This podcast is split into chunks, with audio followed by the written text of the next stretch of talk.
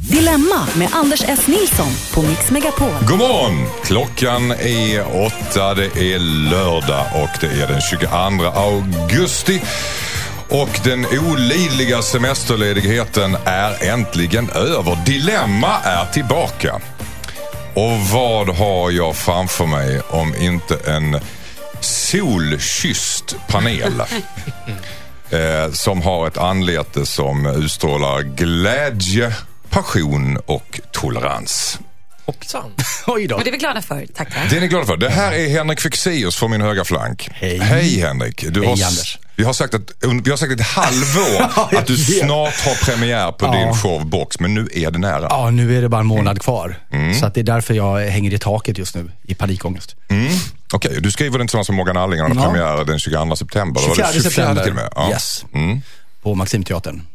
Kom och, kom, och- kom och kolla. Absolut. Du är tankeläsare också. Ja. Författare, föreläsare och programledare. Och man känner gärna för lite olika program. Ja, allt sånt. Allt sånt där. Och tankeläseriet har du rätt, eh, rätt bra nytta av i det där programmet. Malin viftar här mot Ja, Henrik. Varför gör jag du det? Nej, för då tänkte jag så här, när du sa kom och då så gjorde du något så här, ja, ja, kommer han komma? Läs hans tankar. Läser tack. Ja, just det. Okej. Nej, jag fattar ingenting. Jag trodde, jag trodde att du skulle reagera på att jag sa solkysst. För, Det är en rivande start på den här terminen känner jag. Nej, förlåt, jag går hem igen. Jag, då. jag, för jag hade lite fel där nämligen med solkysst. Henrik Fexeus, du är inte så, så solbränd. Nej, nej, jag är likblek faktiskt. Som en albin under armarna. Ja, det är lite så jag jobbar på somrarna. Ja. Ja. Malin Gramer, välkommen hit också. Hej, god morgon. Eh, du har väl ja, du har varit hemma i Sverige nu, men du har varit i Frankrike också och eh, berättade för mig här innan att du har haft en åsna utanför ditt fönster i Frankrike där du var. Mm. Innan Ja, det så var du gjorde Paradise Hotel i Mexiko. Mm, då hade jag också en åsna utanför fönstret. Ja, vem var det då? Nej, jag skojar. Var det? Gud, jag är verkligen helt ur mitt game idag. Okej. Paradise Hotel börjar när då? Den 31 augusti, det är ju snart. Mm, det är snart. Och du är, är nominerad även för Kristallen som årets programledare va? Ja, det är med. Det får vi ge en liten applåd. Det, det, grattis. det är ganska stort alltså. Ja, det finns ju inte så mycket andra kvinnliga programledare på TV3, så det var inte något att välja på. Ja, nu ska du inte förminska dig själv. Jag, jag är glad för din skull Malin. Tack så Och hjärtligt. du är jättevälkommen hit. Tackar. Thomas Järvheden, välkommen tillbaka. Tack så mycket. Haft en trevlig semester. Ja, det tycker jag. Du är inte det, så jättesolkysst heller om jag ska Men vad fan, för det var jag. Jag Ja, är det ganska du. brun ändå. Ja, lite brun är du. Så här Men- på håll. ja. Mm, Men, nej, och men ställer det var dig ju- bredvid Henrik Fexeus så du du är faktiskt Jävla tjat här Ja. tycker jag. Ja, jag vet. Då ser ut som Dr. Alban faktiskt. Och, och, ja, men på riktigt, jag är väldigt brun för att vara jag. Ja, det är du. Mm. Eh, precis. Stå upp komiker och sångare också. Ja, Och var ute på en turné nu i sommar som var Sunny Stand-Up. Mm. Där ni var, var ni Öland, Göteborg, Stockholm? ja överallt? massa städer. Och var vi än var så stod det en åsna utanför fönstret. Det var helt sjukt. Det är det Åsa som lyssnade på alltså. Ja, ja, det var det också. Blev den sen nominerad till någonting? Mm, det blir den inte. Hörrni, eh, vi ska, ni, är ni taggade för att lösa Ja! till Ja! lyssnarnas problem som de har skickat in på dilemma.mixmegapol.se. Nu fick jag sagt det också. Vi har fått ett brev från Kevin som har skrivit in på den adressen. Han undrar om han borde hålla sitt nya förhållande hemligt på grund av sitt ex. Hur känns den starten? What? Oh. Man vill höra mer. Hejsan Dilemmapanelen, jag heter Kevin. Jag har varit tillsammans med mitt ex i ett och ett halvt år. Vi gjorde slut för över ett år sedan och har ingen kontakt alls idag. Men jag har hört från flera av hennes kompisar att hon fortfarande har känslor för mig. Nu har jag börjat träffa en av hennes bästa kompisar. Vi smsar och pratar i telefon dagligen och vi har träffats flera gånger. Vi tycker om varandra väldigt mycket helt, enkelt. Men vi vågar inte inleda ett förhållande eftersom hon är orolig över att mitt ex ska säga upp kontakten då med henne.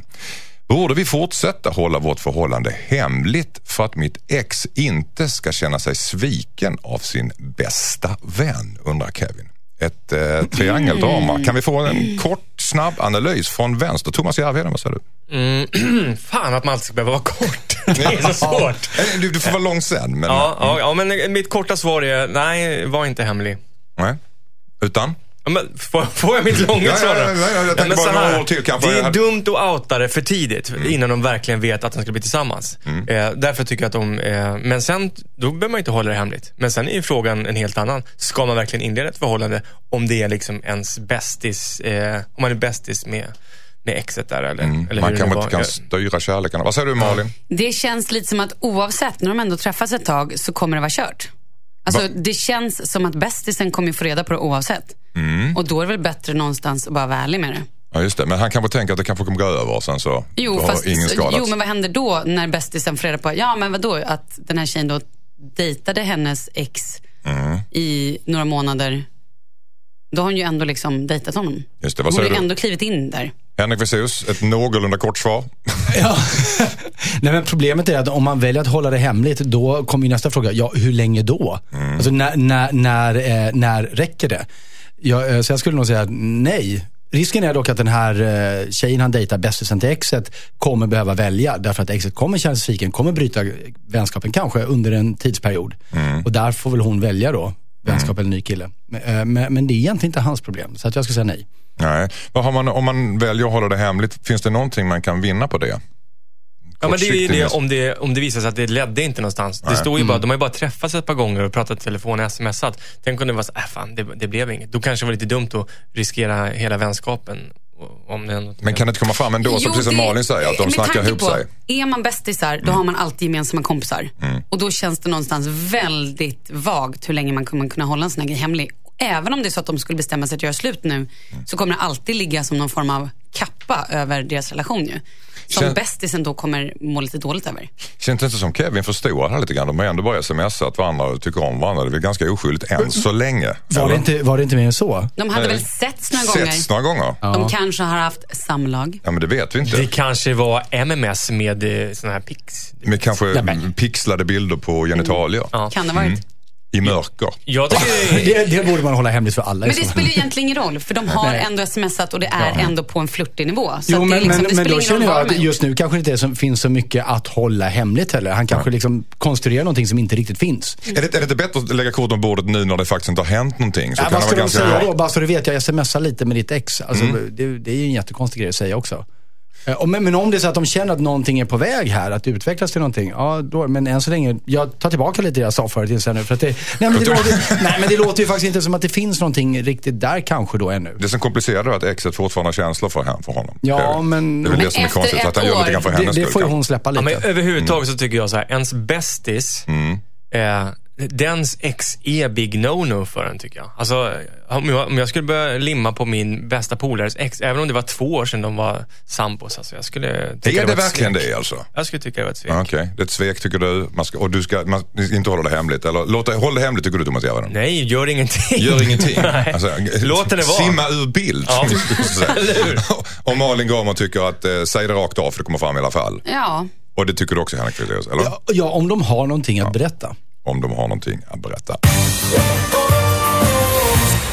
Hejsan Dilemmapanelen, jag heter Jonas. Jag och min fru har en gemensam diet, men jag fuskar. Mm. klassiskt. Hon har fått för sig att vi ska köra en 5-2-diet, det vill säga två dagar i veckan så svälter jag mig själv. Jag har fått lågt blodsocker och blir väldigt grinig dessa dagar. Jag fungerar knappt på jobbet och blir väldigt lätt irriterad. Jag småäter därför under dessa dagar på jobbet. Jag har inget problem med att fuska eftersom jag inte anser att jag behöver gå på en diet. Jag låtsas ju mest gå på den här dieten för att stötta min fru mentalt. Problemet är att när hon pratar om hur tufft det är med dieten så tvingas jag sitta och ljuga och just det tycker jag är jobbigt. Borde jag fortsätta fuska för att eh, fortsätta stötta henne eller ska jag säga som det är och lämna henne ensam med sin diet undrar Jonas. Och du räcker upp bägge armarna Malin, vad vill du säga? Nej men han ljuger ju inte. Han tycker att det är så pass jobbigt så att han måste fuskäta. Mm. Då behöver han inte ljuga och säga att det är jobbigt. Då är det bara att han sitter och berättar hur jobbigt det är. Mm. Sen att han fuskar lite, det behöver han ju kanske inte berätta. Fuska men inte ljuga, hur menar du då alltså? Jag förstår inte. Han Nej, ljuger. men, nej, men han kan ju bara säga att han tycker att det är jobbigt. Sen att han, vad han, Ja, han får- gör han- för han- att lindra det jobbiga, det behöver man ju inte berätta. Ja, men han fuskar ju eh, gentemot henne. De har kommit överens om det här. De har ju liksom... Ja, men ibland händer Ja. sånt att man måste fuska. Och så säger man så, jo men jag stöttar dig till 100%. Nu kör vi det här tillsammans du och jag älskling. Ja, det Vi är går ju hon- hand i hand mot, mot 14 kilo eller vad Ja, fan men de det ska är ner ju till. hon som behöver det här dieten, inte han tydligen. Ja, okej. Vadå, tycker du hon är tjock? Ja, Men så, kan, man, kan man överföra det argumentet på allt? Alltså vi har en överenskommelse om att vi är trogna mot varandra i det här giftermålet fast jag fuskar lite men det behöver man ju inte berätta. Eller vad, vadå? Ja, det- stämmer Ja. också. Ja, det stämmer också Malin alltså. Eller det här är enkomst för, för matöverenskommelser? ja, det här är bara när det gäller 5-2. Det är 5-2-fusket. Okej. Vad är 5-2 i otrohetsaffär? Är det fem, Oj! är det fem eh, en varannan vecka? Ja, ja två, två gånger var Men femte inte vecka. fem gånger med samma älskarinna, sen är det två one nights. Eh, som, Ja, och så går man ner ungefär lika mycket i vikt. Ja. Mm. Vad säger du Thomas om om det här då? Ja, men alltså, jag tycker ju så att han borde bara säga att jag pallar inte det här. Du, du, jag stöttar dig eh, för det är du som är tjock. Eh, nej, det ska jag inte säga. Nej, men jag stöttar Nej, men dig. tror, men- du, att- tror du att det är så han känner? Att han, att han, han låtsas, eh, liksom, ja, vi gör det tillsammans, vi är båda överviktiga. Så tittar han, jag är inte alls, det är du som är övervikt. Varför ska jag sitta... Ja, alltså, det där kan man ju bara spekulera om. Han kanske är smällfet men har väldigt dålig karaktär. Eller så har han ett jobb som kräver att han är på topp liksom, och inte kan ha koncentrationsdippar och sådär. Så att, då får väl han i sådana fall, om han behöver gå ner i vikt, får han börja träna och sen så äta regelbundet istället. Det, det, jag tror inte det där passar. Jag skulle aldrig palla 5-2. Alltså. Malin? Det känns ju lite, ursäkta mig Jonas, men det känns lite som att du är en toffel och att din fru nu kör med dig. Och då får du helt enkelt stå ditt kast. Mm. Kan man tänka sig... Ord. Kan man, du vill också säga någonting Henrik? Ja, alltså, för, för, först så undrar jag om de verkligen liksom har satt sig in och förstått vad 5.2-dieten eh, innebär så att de gör den på rätt sätt. Jag tänker lite på min mamma som jag pratade med för något år sedan. Om, och sådär. Jag skulle bjuda henne på lunch. Bara, Nej, idag är min vattendag. Vadå vattendag? Nej, jag är 5.2. Och hon trodde det betyder att man åt fem dagar, inte två. Då drack man bara vatten. Så det finns ju alla avarter på det här. Men, men grejen är ju... ja, men, men om vi nu förutsätter att de faktiskt båda behöver någon form av kostrestriktioner eller diet här. Så, så tycker jag att han får vara ärlig med det här var det funkar inte för mig. Och så får de hitta en plan som funkar för honom. Han kanske behöver lite mer kolhydrater. Eller vad det nu är. Men, men jag tror det sämsta är att han håller på att fuska nu. För jag tror inte att, det, att han mår bra av det egentligen. För det låter som att han proppar i sig en massa snabbt socker och, och kanske förvärrar situationen. Så kanske Jonas har sämre självbild. Ja, alltså lä- lägg upp en bättre kostplan bara som passar. Lägg, bet, lägg upp en bättre Facebook-bild. Vill ni säga någonting slut- avslutande? avslutande? Nej, men berätta hur det ligger till. Berätta hur det ligger till. Och Malin tycker, Ah, fusk om du vill. fuska om du vill, ät så mycket du vill. Och Henrik Fexeus, Hitta en bättre kostplan. hitta en bättre kostplan. Tack så mycket. Hejsan Dilemmapanelen heter Thomas. Min flickvän säljer sina använda trosor över internet och hon vägrar sluta med detta. Vi blev ihop för åtta månader sedan och det har va- varit bra på alla sätt och vis. Förutom att jag inte tycker om hennes jobb. Hon har byggt upp en kundkrets och betalar för att hon skickar sina använda trosor till dem. Hon har ett vanligt jobb på halvtid men majoriteten av sin inkomst får hon av att skicka använda trosor till diverse män runt om i världen. Jag äcklas av tanken att någon gubbe sitter och luktar på hennes gamla trosor men hon vägrar sluta skicka. Jag vet inte vad jag ska göra. Hon tycker att jag är konstig som vill att hon ska ge upp en stadig inkomst. Men jag förstår inte hur hon kan tycka att det här är normalt. Borde jag kräva att min flickvän slutar sälja sina gamla trosor? Undrar då Thomas som är lite förtvivlad. Kan vi få eh, kort, eh, kort, svar? Kort, ja, tack. Först, först kort svar eh, Henrik. Ja, men, ja, så här. Det jag tycker är intressant i det här är den här kundkretsen. Hur, hur nära kontakt hon har med de här olika männen. Eller om det är liksom... Luktar alltså kroppsvätskor är ju lite, det är ganska intimt. Ja, men inte så jag menar. Utan jag menar det personliga mötet utöver trosskickningen. Om det är så att det, sitter, om det, om det är 5000 anonyma mejladresser hon skickar till. Eller om det här är personer liksom som också följer henne på Facebook. Som på något sätt vet vem hon är privat. Det tycker jag är, då blir det geggigt. Men om hon bara sitter och skickar geggigt. Jag kommer eh, vara Thomas manuskrivare under hela hösten. Ja, här. precis. Malin Gramer, vad säger du? Nej, Nej, Va- va- alltså, han ska inte kräva det, så flickvännen ska hålla på. Det är hennes jobb. Nej, men Det är som vilket jobb som helst. Är det så du tänker? Eh, Både ja och nej. Det är ju inte vilket jobb som helst, det kan man ju inte säga. Nej, det kan man ju verkligen Men inte göra. någonstans så är det ju... Vilket man sätter in i CVt kanske om man ska söka jobb som, Nej, som det liksom tror på jag en inte. bank. Jag tror ju så här. Jag tror att eh, hon någonstans har lagt upp någon eh, bild. Jag tror inte hon visar ansiktet och då säljer hon sina trosor via nätet. Jag tror inte hon har någon kontakt med dem. Jag tror heller inte de här köparna vet vad hon heter på riktigt. Eller hur gammal hon är. Jag tror att allt är fejk. Det är i alla fall vad jag hoppas. Det är lite så det brukar fungera i såna här... Säger Sån här- den insatta. Ja, precis. Ja, men du har jobbat med Fråga Olle. Ja. Du har, du träffat på sådana här personer? Nej, men vi, ja, jag har ju faktiskt varit, träffat några tjejer som dels eh, sålde telefonsex och även då trosor eh, och också pratade, eller så skrev noveller och grejer. Hur som helst, men det... mm, Hur- hur- för hur- henne är det ju här en inkomst. Och det, det är klart att jag själv skulle inte tycka det var speciellt kul om min kille höll på att skicka sina använda kallingar till massa kvinnor jag inte hade en aning om. Det är ju Det här, men det här handlar ju mer om hans svartsjuka tror jag. Eller Mm. är det jag? Eller nej? Vad säger du Thomas Järven? Skulle du kunna vara tillsammans med en sån tjej? Ja, ja, lätt. Jag, jag, jag skulle bara skratta åt. Alltså, jag tycker det är bara lite patetiskt att gubbarna sitter där och, och sniffar andras trosor. Men jag skulle inte ha något problem med det. Jag skulle lätt bara fråga om inte hon kan starta en, en bifilial där hon kan skicka och sälja mina kallingar också. Okej. Men alltså hur expanderar man en sån här? Om, om, kund, om kund, kundkretsen helt plötsligt blir, alltså efterfrågan blir enorm. Alltså, alltså man kan inte hinna med att producera så att säga.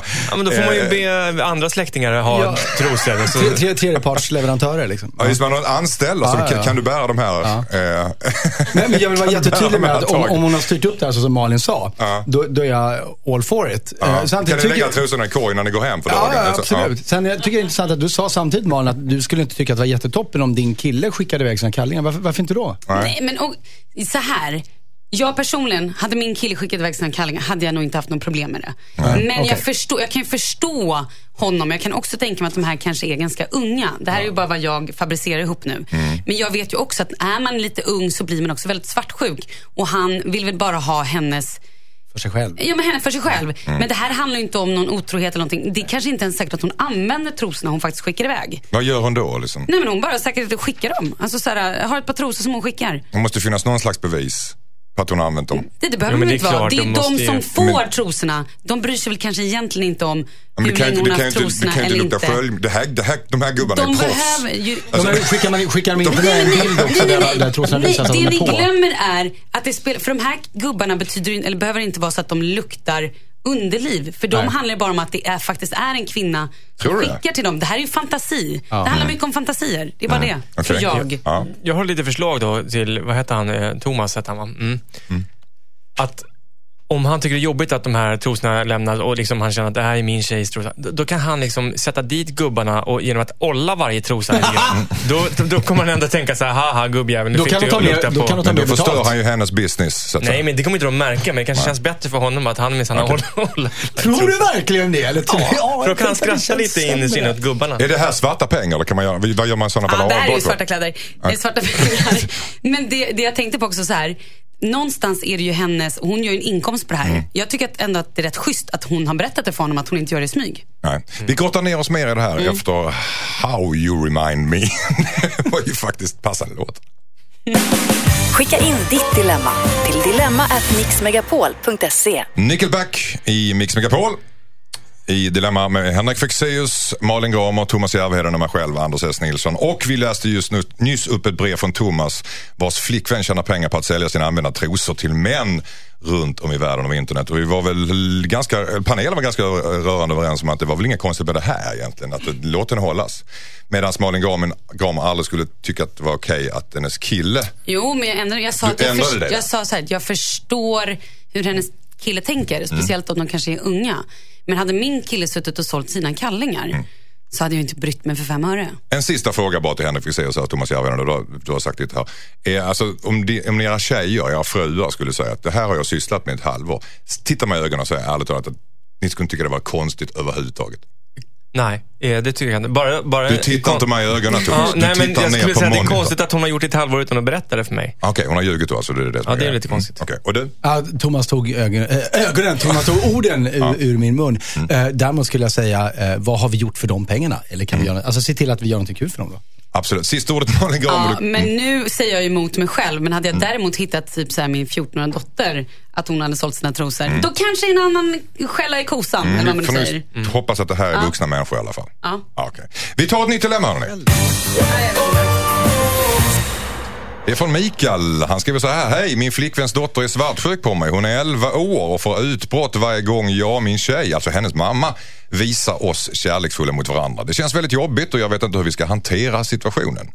Jag har försökt prata med henne men hon är omöjlig. Varje gång vi håller handen, pussas eller kramas så får 11-åringen ett utbrott. När min flickvän lugnar ner henne så ber hon om ursäkt och säger att hon inte kan hjälpa det. Men hon mår dåligt av att se oss kärleksfulla. Hon vill till och med att vi ska sluta träffas. Så länge jag inte visar min kärlek mot hennes mamma så kommer vi bra överens. Jag vet inte vad jag ska ta vägen. Jag och min tjej skulle vilja ta nästa steg i vårt förhållande men kan helt enkelt inte för att hennes dotter beter sig så här. Jag vet inte vad jag ska göra. Det här har pågått i över ett år. Borde jag till och med försöka avsluta förhållandet på grund av min flickväns dotter. Vad säger du Malin Gramer? Jag säger, det här är klassiskt. Och jag tror att alla som har träffat en ny partner som har barn går igenom någonting liknande. Och sen är ju just 11-10 år, när de, det är ju en, eh, alltså tweenies. Det är ju en jätte, jättekänslosam ålder. Och det jag tror är så här, äh, nej, ni ska fortsätta träffas. Men ni kanske inte behöver råhångla framför henne. Och också se till att han kanske gör egna saker med henne. Så att de får en egen relation. Så att hon också känner att de faktiskt då blir mer och mer en familj. Och eh, att han inte egentligen är ett hot. För det är ju, alltså kärlek är bara fantastiskt. Jag tror också att hon egentligen vill att hennes mamma ska vara lycklig. Men det blir väl kanske lite mycket och då får kanske de vuxna bara respektera det lite grann. Och kanske inte bara pussas hela tiden framför henne utan lite grann respektera henne men också involvera henne i, ja, i deras liv. Mm. Vad säger du Thomas Järvheden? Jag tycker Malin lät klok. Hon hade tur. Eh, jag, jag tänker så här också att eh, eh, egentligen måste man inte gå och pussas och hålla handen ens en gång heller. Jag menar, 11-åringar går väl och lägger sig på kvällen och då kan man ju visa sin kärlek till varandra då. Så tycker inte jag det ska vara alltid, men en period kan man ju lugna situationen genom att bara låta henne få andas lite grann och, och vänja sig vid honom som en, ja, som en kompis. Och, och Är det inte överhuvudtaget lite jobbigt i den åldern att se sina föräldrar? Allt är jobbigt i den åldern. Och pussas och ha sig. Man tycker väl att det Jo. är lite disgusting överlag. Vad säger du Henrik? Vad säger du om det här? Ja, alltså, jag har en, en, eh, en god vän som var i precis den här situationen. Han blev tillsammans med en kvinna som hade en dotter som var 13 tror jag. Eh, Och den här dottern betedde sig så illa gen- gentemot honom och gjorde allt för att förstöra den här relationen, precis som det här låter. Och det, de försökte med alla de medel som Thomas och Malin nu pratar om. Och de tog det väldigt, väldigt lugnt. Men det slutade att efter tre år någonting, de, relationen orkade inte det här. Så de, de eh, var tvungna att avbryta den relationen på grund av den här dottern. Så att det här är jätte, jättesvårt. Hur eh, hanterar man det som en, någon som kommer in sådär utifrån? Hur, hur skulle du hantera det? Nej, alltså vad som händer är att det, det, det svåraste är ju för mamman här egentligen. Som måste då nästan välja, liksom prioritera dotterns känslor eller, eller sin egna eller sin partners. Eh, för killen blir det ju lite lättare för att han här, ja, antingen är jag ihop med henne eller inte. Mm. Eh, Så det, det, det finns inga enkla lösningar på det här och det, tyvärr är det väl så att det, det Malin och Thomas sa, det är den linjen man kan gå. Men det är faktiskt inte en säkert att det funkar. Vad ligger bakom, bakom dotterns känslor här tror du Malin? Man vet ju inte. Det kan ju vara att det har varit en jobbig eh, separation från pappan eller att pappan är ledsen att det är mamman som har lämnat honom. Det kan ju vara sådana saker. Men i annars fall tycker jag att man kan gå till, alltså prata med någon, mamma och dotter. Kanske till och med alla tre. Men att mamma och dotter går och pratar med någon, kanske dotter går själv och pratar med någon. Men bara få bukt med känslor lite grann. För som jag sa innan, det är mycket, allt är jobbigt i den åldern. Och det är mycket känslor och man vill inte veta att ens föräldrar pussas eller ligger eller håller på. Okej. Tack så mycket. Skicka in ditt dilemma. Dilemma at mixmegapol.se.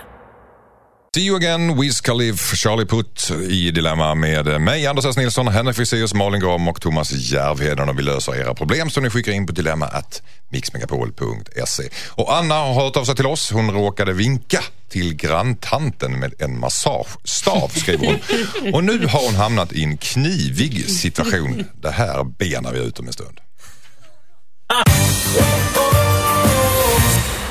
Hejsan Dilemmapanelen, jag heter Anna. Jag har skämt ut mig rejält. Jag har, försökt att, od- jag har försökt att odla lite tomater, men det har inte gått så bra. Efter lite googling så insåg jag att problemet är pollinering. Det stod att man ska få tomaterna att vibrera för att de ska pollineras. Man ska tydligen ha en eltandborste och hålla mot fästet av tomaterna för att imitera en, en humlas vibrering och då ska plantorna sprida pollen omkring sig. Jag har ingen eltandborste. Men jag har en massagestav som vibrerar. Jag tänkte att det Såklart. borde ge samma effekt så jag går ut en morgon för att pollinera mina tomatplantor. När jag sitter i full gång med min pollinering så går grannen förbi och hejar glatt som hon brukar. Det är en äldre dam och vi är ytligt bekanta. Utan att tänka mig för så sträcker jag upp högerhanden och vinkar friskt och glatt. Hon tittar förskräckt på mig och jag inser att jag håller en 34 centimeter lång rosa vibrerande stav i min hand. Min granne försvinner iväg och jag har inte träffat henne sedan dess.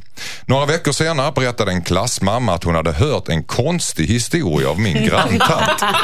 Jag skämdes och nekade direkt att det skulle ha hänt. Varpå flera andra mammor stämmer in och börjar prata om att granntanten börjar bli lite vimsig. Nu har det helt plötsligt blivit jag som är ansvarig för att falska rykten sprids om granntanten. Borde jag erkänna mitt misstag för att inte tanten ska få ett rykte om att vara mytoman? Vilka svängar det här var. 360 verkligen. grader. Hon vinkade med en dildo för att hon hade ett gott syfte. Hon ville odla tomater. Och sen så blev det här något falskt rykte om en tant att hon var mytoman. Vad säger du Thomas Järvheden? Alltså jag tycker det är en så underbar historia för det första. Mm. Jag bara älskar den här storyn. Och jag är imponerad också. 34 centimeter, det var ändå rätt stadigt. Ja. Hon, hon skulle faktiskt kunna, det här är en liten fuling, men hon skulle kunna eh, erkänna, inom citationstecken, säga att alltså, jag hade min, min sons lasersvärd. Alltså nå, någon sån där grej. Alltså, så att, du vet, det, för en, en sån där... Jag skulle hoppa stavhopp. Nej men alltså hon kan ju bara säga det, nu har jag kommit på vad det var. Jag tror jag vinkade med min sons svärd eller sån sån där grej. Så att det inte blir, det är ju taskigt då att, att, eh, tanten ska få senildement rykte liksom. Men å andra sidan så kanske granntanten eh, förstod omedelbart vad det var. Ja, Hon men, kände igen den. men det behöver ju inte... Vad, vad, vad säger du? Vad säger du? Ja, jag tänker att den där, ja, alltså den där grejen går inte att säga ifall det var så att det var i form av en penis.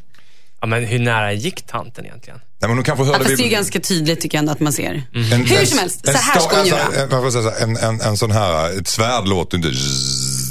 Jo, det är det det gör. Har du inte sett Star Wars? Lät, lät exakt samma. Nej, men jag, tycker, jag älskar ju den här historien. Hade det varit jag hade jag bara skrattat. Alltså, men jag förstår att hon kanske tycker att det är lite genant. Eh, men jag tycker att hör hon den här historien igen från någon kompis eller klasskompis så kanske hon kan erkänna.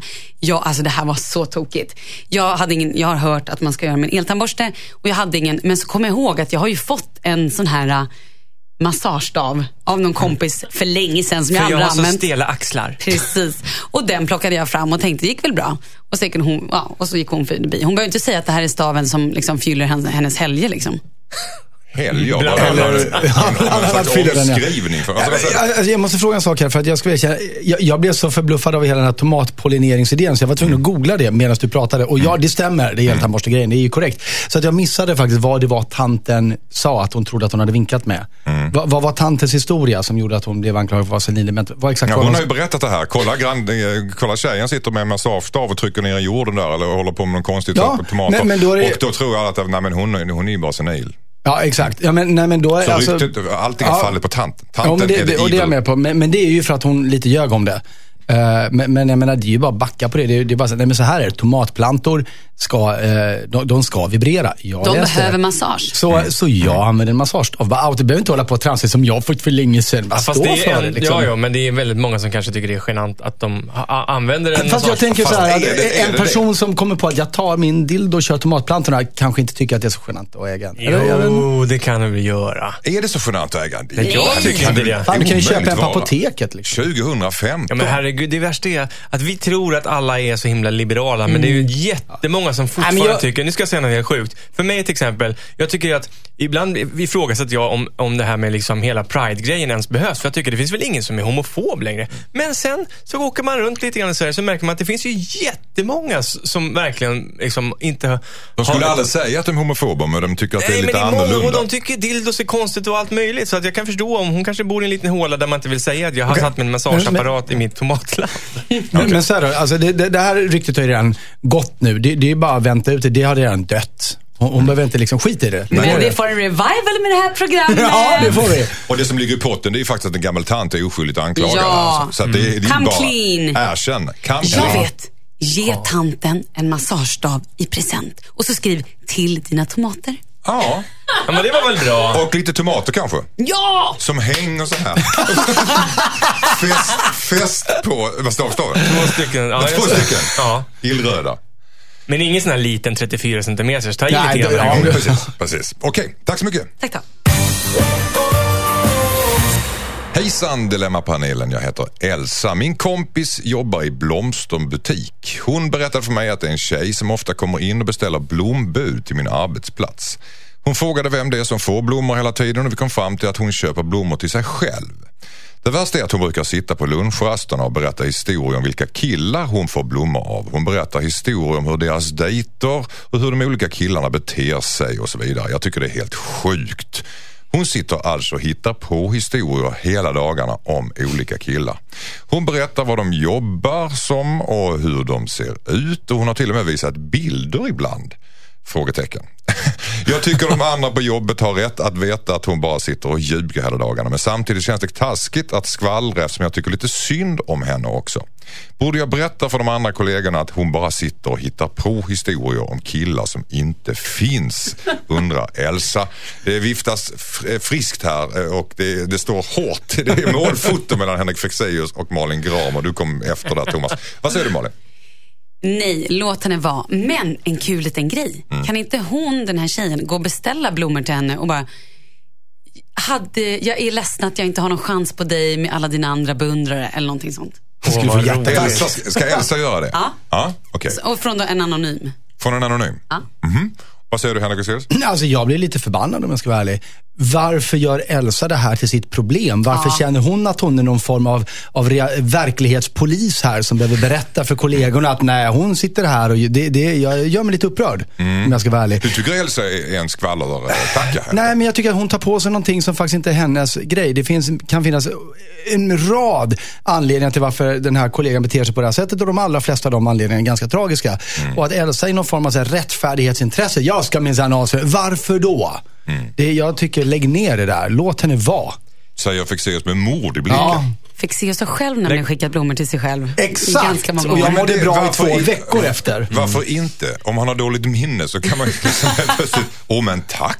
Ja. Ja. Vad säger du Thomas? Ja, men jag skulle säga, jag, jag, jag är lite, förstår ju vad eh, Henrik menar där. Men jag kan också förstå, eh, Elsa heter hon va? Att, att det är rätt störigt om det här pågår liksom hela veckorna. Du vet, fikapauser. Man ska Att det är ett skryt, menar du? Ja, det är klart Ja, att det är ja, ett ja. skryt att sitta och lyssna på henne. Och, och så hör man då hur flera andra sitter där. Jaha, åh, oj då, jaha. Det är klart att det liksom kliar lite grann Ja, inombords. bit ihop. Eh, Men då tycker jag att, eh, ja, det, man får komma ihåg då att vad, vad, är, vad är kärnan här? Ja, det är, det är faktiskt egentligen en synd om henne. Jag var jättemycket inne på din linje Fexeus och sen hörde jag Thomas Järvedens briljanta argument också och blev så här, ja det har du också rätt i. Vad var då- skillnaden, Därför att, hon, hon, ja, för, därför att hon gör ju någonstans, hon, eh, hon ger ju de som sitter där som aldrig får blommor och mår dåligt.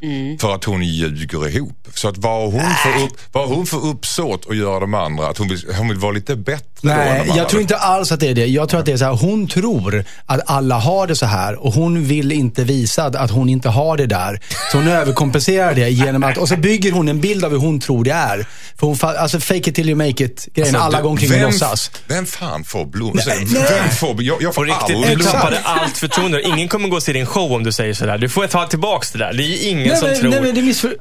Nej men hon... alltså, Vi kastar upp de här hon har ju, hon, har ju sannolikt, som är- hon har ju sannolikt inte varit i en relation. Nej. Hon har ju aldrig varit i en jag relation tror att hon är förmodligen. Mytoman och kanske till och med det en är värre det. problem. Men om hon nu är det, om hon är det då så är det ju liksom en, en tragisk situation Ja. helt enkelt. Då Jag finns det säger skvallra inte. Nej. Men jag tycker Malins idé var ju rolig. Alltså Ja, om man är lite det är irriterad på henne då. Ja. Skicka en blombukett och sen så kommer ju hon då säga Åh, fasen att jag har ljugit om alla mina killar. Det här fanns ju en kille på riktigt. Nu Det kom the real deal. Nej men, och, nej men ännu bättre, det finns ju den där blyga killen nere i, i vänstra hörnet på kontoret. Skicka, skicka det från honom. Så kommer de på en dejt. Mm, så blir han ihop med en mytoman. Det är inte så Ja. schysst. Nej, ja, jag hade... En mytoman-matchmaker. Ja, från Men en en annan mytoman. romantisk mytoman. Ja, men Ja, just 34 centimeter still då. Nej, var förra. Och blommor är ju alltid trevligt att få oavsett Ja. om man skickar dem till sig själv. Ja, jag ska bara Okej. göra det. Tack så mycket. Skicka in ditt dilemma till dilemma@mixmegapol.se. tar man tillbaka Darin i Mix Megapol i Dilemma med Henrik Fexeus, Malin Gramer, Thomas Järvheden och mig själv, Anders S. Nilsson. Vi pratade om blommor. Det var Elsa som skrev att det var en kollega till henne som skickade blommor till sig själv. Jag kan bara ställa. När skickade ni blommor till någon senast? Henrik? Skickade blommor. Jag vet nästan inte om jag har gjort det. Någon gång? Inte skicka. Vad du gör stora affärer. jetblommor. Skickar Ja. du som du aldrig har hört ordet? Va? Nej men, nej, men alltså använd blombud. Blommogram. Det- Nej, gett blommor, absolut. Jag har inte skickat blommor. Nej, nej, det har jag nog Nej. inte. Nej. Det är helt obegripligt. Ja, vad är det för något? Skicka, hur menar du då? Ja, Ja, men jag skickar ganska ofta. Ja. Men jag gav faktiskt blommor till min kille bara för några dagar sedan. Eller för någon vecka sedan. Thomas? Eh, Ja, det är så skandalöst alltså, men det var några år sedan faktiskt. Till, till min eh, nuvarande fru. Det är säga- alldeles för sällan. Jag kan bara säga så, man ska skicka blommor till en tjej eller en, en, en kille, vad det nu är för någonting. Då ska man göra det när man är säker på hennes känslor. Mhm, Oj då, vadå Och då? att de får dem det, det händer inte, det blir inte bättre med blommor. Gillar de inte den så gillar de inte. Det spelar ingen roll hur mycket rosor de får. Det är bara bullshit. Oj då. Blir det sämre då? Sa han lite bittert. Bitter Och nästa dilemma från Anders. Precis, Maria kallar de mig. Eh, vi ska ta ett brev från Maria faktiskt. Hon har skrivit på dilemma. eh, dilemma.mixmegapol.se och Maria undrar om hon borde spionera på sin son helt enkelt. Ja! Säger ju. direkt. Okej, ja, spännande. Vi ska höra efter reklamen. Hejsan Dilemmapanelen, jag heter Maria. Vi har svårt att lita på vår son och överväger att spionera på honom. Vår son är väldigt stökig. Han är 16 år gammal och hamnar ofta i trubbel. Han har brutit vårt förtroende många gånger och vi litar inte på honom längre. Han hänger med typer i en annan ort och det är oftast med dem som han hamnar i dåliga situationer. Problemet är att han ljuger. Han säger att han är hemma hos en familjekompis men vi har kommit på honom med att han åker iväg till den här orten och hänger med de här människorna som inte är bra för honom. Min man tycker att vi ska installera en app i hans telefon som gör att vi kan se vart han befinner sig. På så sätt kan vi undvika att han åker iväg till den här orten. Jag är spontant emot idén men tycker å andra sidan att det är bättre än att ge honom utegångsförbud. Borde vi spåra vår son för att se till att han inte hamnar i trubbel? Den ni. Du svarade Hoppsan! ja spontant på att spionera på sonen. Du tycker det här då? Malin? Ja, eh, jag tänker så mycket saker nu så att det blir en kortslutning här. Men om man är 16 år och ens föräldrar installerar en app i hans telefon, förlåt men hur ska de kunna göra det? En Sno hans 16-åring telefon och ja, men när ska de in göra det? 16-åringen har sin telefon på sig dygnet runt. Jag kan sätta in en Ja, men- sändare Och, och en måtte. 16-åring har också superkoll på sin telefon om man får en ny app eller inte. Ja, men det går ju också... Ja, förlåt. Eller, nej, jag vet inte. Ja, men jag tycker så här va. Eh, De får väl bara ställa de här eh, alternativen emot och han får välja själv. Vet du Mm. vad? Du har ljugit, vi har ingen förtroende längre. Du får välja antingen utegångsförbud eller du får gå ut. Men då, då vill vi att du har den här appen i telefon så vi kan verkligen kolla att du är där du säger att du är. Mm, smart. Jag är sjukt Lyckträff smart. för dig du. Fexeus ansiktsuttryck blev ett Katrin-ploden. här. vad, vad, vad tänker du? Nej, men det är ju det är ett feltänk här. Jag menar att, att, eh, Va? Att aktivera hitta min iPhone i hans telefon gör ju inte att han mer eller mindre kommer åka iväg. Det låter ju på, på våra kära brevskrivare. Så, alltså de sa, ska, ska vi installera den appen och därmed se till att han inte åker iväg? Det kommer ju inte på något sätt hindra honom från att Nej. åka eller inte. Kanske till och med är. tvärtom. Ja, så att av den anledningen, av ren, om, de är, om de är rädda för hans fysiska hälsa eller mentala, så kan det vara bra att veta att han är där. Men det, det som kommer hindra honom från att åka, vilket ju är det de vill, det, det är ju, det, det är ju liksom eh, familje... Vi pratar ju familjepsykologi här helt enkelt. Det är, ju- de måste ju prata Han är 16 och så här är det. Den här tonårs... Eh, föräldraupproret, det är inte så vanligt som man tror. Det är, det är, de flesta tonåringar gör inte det där upproret mot föräldrarna. Han verkar vara en rebellisk typ. Och då har de det lite jobbigt. Eh, Men, men, eh, vilket kräver eh, väldigt mycket samtal. Men appen kommer inte hindra honom från att åka någonstans. Det tror jag inte. Malin? Internatskola. Internatskola säger Malin. Ja, Mm, det är dyrt. skitdyrt men det är Så, värt det. har du sett Ondskan? Ja. Det är värt det säger du. Har Det du gått på internatskola? så. Nej, men jag tänker, Ja, nej. Då, då kan han inte hänga med typer, utan då hänger han med internattyper. Ja, för de är ju Ja, snälla. Ja, Jag, jag fattar inte varför det var feltänkt om... mig- och- om Nej, man- inte av dig. Jag är brevskriven. Jaha, nej men för jag tänker om, om de säger så här, vi, du får inte åka dit till eh, den här förorten eller vad det nu är, där det är bara massa bråk. Och så stannar du hemma. Antingen stannar du hemma eller så får du vara iväg hos din polare. Men då får du ha här appen i telefonen så vi verkligen vet vad du gör. Då tar han inte med sig telefonen bara. Nej men då ringer de. Ja men du måste vara, du måste vara nådd, annars blir det utegångsförbud. Är det sätta ner foten här? Är det, Ja, är det bara jag föräldrar? Så här, nu är det vara- vi som bestämmer. Du är inte, du är inte myndig än. Du gör som vi vill. Men, och, ja men absolut, och sen får man sätta hårt mot hårt. Och också så här, får man börja dra in grejer. Du får, tyvärr det blir ingen veckopeng eller vad det nu månadspeng eller vad man nu har. Och kanske då så här, ja då blir det det. Då går du i skolan, sen kommer du hem och sen blir det inget mer liksom. Men han har ju ändå pengar för att råna folk i den där orten. Ja, man ja, men kanske har de mer pengarna pengar tar slut. Någon Jag gång. tycker bara så här, jag tror, brevskrivaren tror jag har lite ågren för det här att, att smyga in appen. För att det känns eh, taskigt. Men om man oh, front, frontar honom med det. det S- Säg det rakt ut. Smyg Ja, inte in appen. Var ärlig. Så att vi, vi, vi monterar in en app. Ja. Och kan det vara så också att när han vet att han har den här appen så blir han lite försiktig med vad han är och vad han gör? Han Nej, kommer, jag tror han att han- gå bananas. Jag tror han blir försiktigare med var han lägger sin telefon. Ja, precis. Snarare. Du tror Tyvärr, det? Ja. Ja, han är inte dummare än så. Men han Nej, måste bli nådd, det är själva grejen. Jo, Annars får han utegångsförbud också. Okej. Föräldrarna ska nog vara ärliga. Där har vi det. Smyg inte med att eh, mixtra med appen utan säg det rakt upp och ner tycker väl den gemensamma panelen. Och också, Ja. att, och också att föräldrarna är oroliga. Och att de vet om att han smyger iväg till annan ort med typer. Eller sätt ner foten föräldrarna. Var förälder. Ja. Säg, eh, använd hot. Säg att du stannar hemma, påga snöre. Eh, Ungefär så, Thomas Järven, fast på skånska. Tack! Hejsan Dilemmapanelen heter Kalle. Jag och min fru har precis fått vårt första barn och jag är inte attraherad av henne på samma sätt eftersom jag ser henne som en mamma och inte som min fru längre. Vi har varit ihop i sex år och är 30 år gamla. Vi har alltid haft ett bra sexliv i vårt förhållande, även när hon var gravid. Men efter att hon har fått barn nu så tänder jag inte på henne på samma sätt längre. Det har gått ett halvår sedan vi fick vår underbara son och jag kan inte hjälpa det men jag ser henne mer som en mamma än som min fru.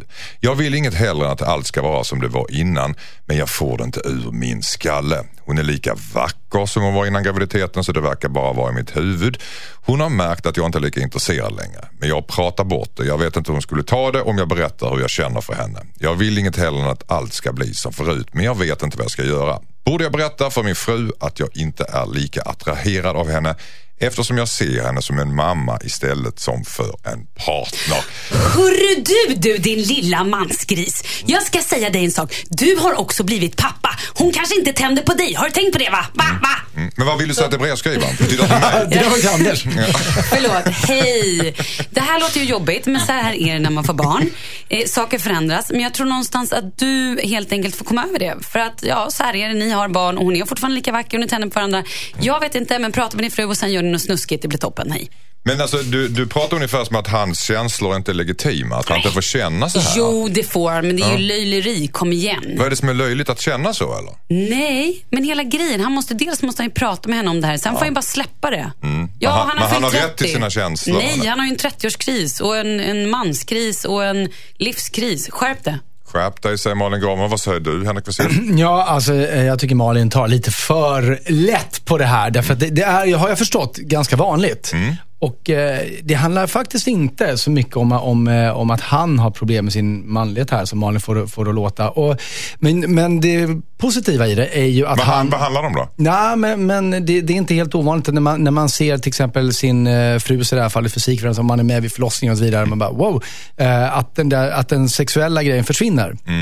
Eh, men det, det positiva här är ju att han fortfarande ändå vill. Och då tror jag att det här är någonting som kommer gå över. Det här är, barnet är bara ett halvår gammalt. De är båda väldigt, väldigt trötta förmodligen småbarnsföräldrar. Mycket tid går åt just nu till, till att byta blöjor, amma och så vidare. Det är inte så sexigt liksom hela tiden. Men, men så länge han vill, så ja, han behöver säga det till sin fru. Men han behöver också förklara att, att det är ingen fara, men jag vill att vi tar tag i det här eh, sen. Kanske någon du slutar med någonting. Och, och då börjar de dejta och anstränga sig för att återskapa romantiken. Men jag tror det är, så länge han har ambitionen så är det faktiskt ingen fara. Han får bara chilla lite just nu. Järvheden, vad säger du Thomas? Eh, en annan sak också, att hon har säkert förändrat sig med att hon får så mycket fysisk närhet med sin bebis när de ammar. Och sådär. så att hon kanske inte tar på honom längre på samma sätt heller. Och det kan ju han kanske vara omedveten om att hon inte liksom flörtar upp honom längre på samma sätt. Så.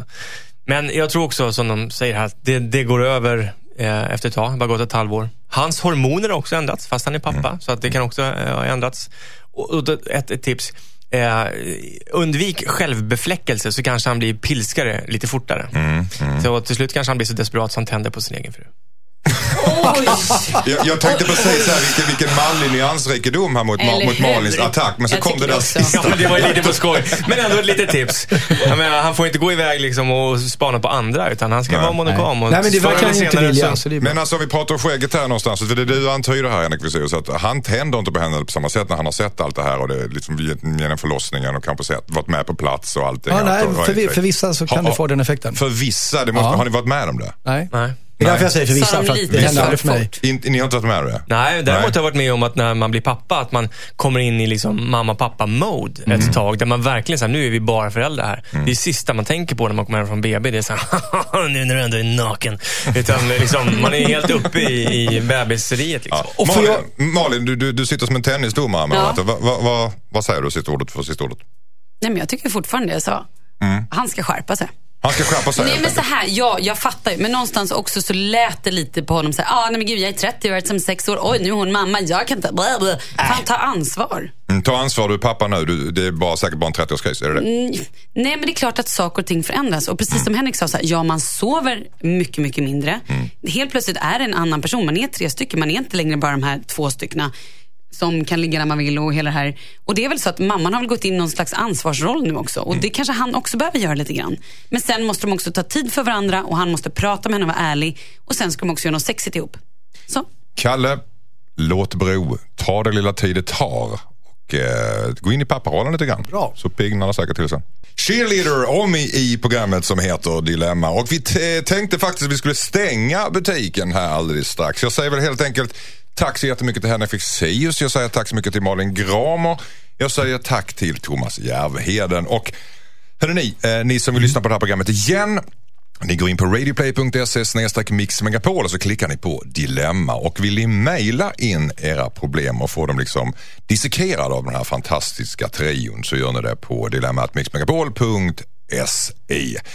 Och imorgon är vi som sagt tillbaka igen, åtta i tiden på morgonen. Vi har nyheter dilemman, bland annat har vi Douglas dilemma. Han har nämligen hittat saker i sin flickväns dagbok som pekar på att han har varit, hon har varit otrogen. Mm. Ja, Redan här där. imorgon. Ajabaja. Ja. Ska vi säga, säga så helt enkelt att vi eh, stänger butiken för idag och sen ses vi imorgon bitti här då? Yes. Okej, och Hej eh, glöm... Hej då! Innan jag säger hej då ska jag faktiskt säga för att er som vill lyssna på Josefin Crafoord, hon har mixkrysset Ja. här nu direkt efter. Vi sitter väl kvar här och tar lite kaffe och lyssnar på henne? Ja, mysigt. Hej då. Men till er där hemma säger vi hej då, hörs imorgon. God morgon.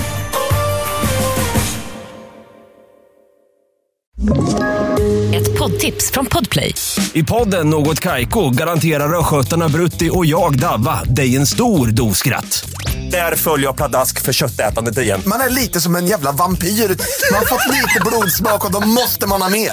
Udda spaningar, fängslande anekdoter och en och annan arg rant. Jag måste ha mitt kaffe på morgonen för annars är jag ingen trevlig människa. Då är du ingen trevlig människa, punkt. Något Kaiko, hör du på Podplay. Därför är gardinerna.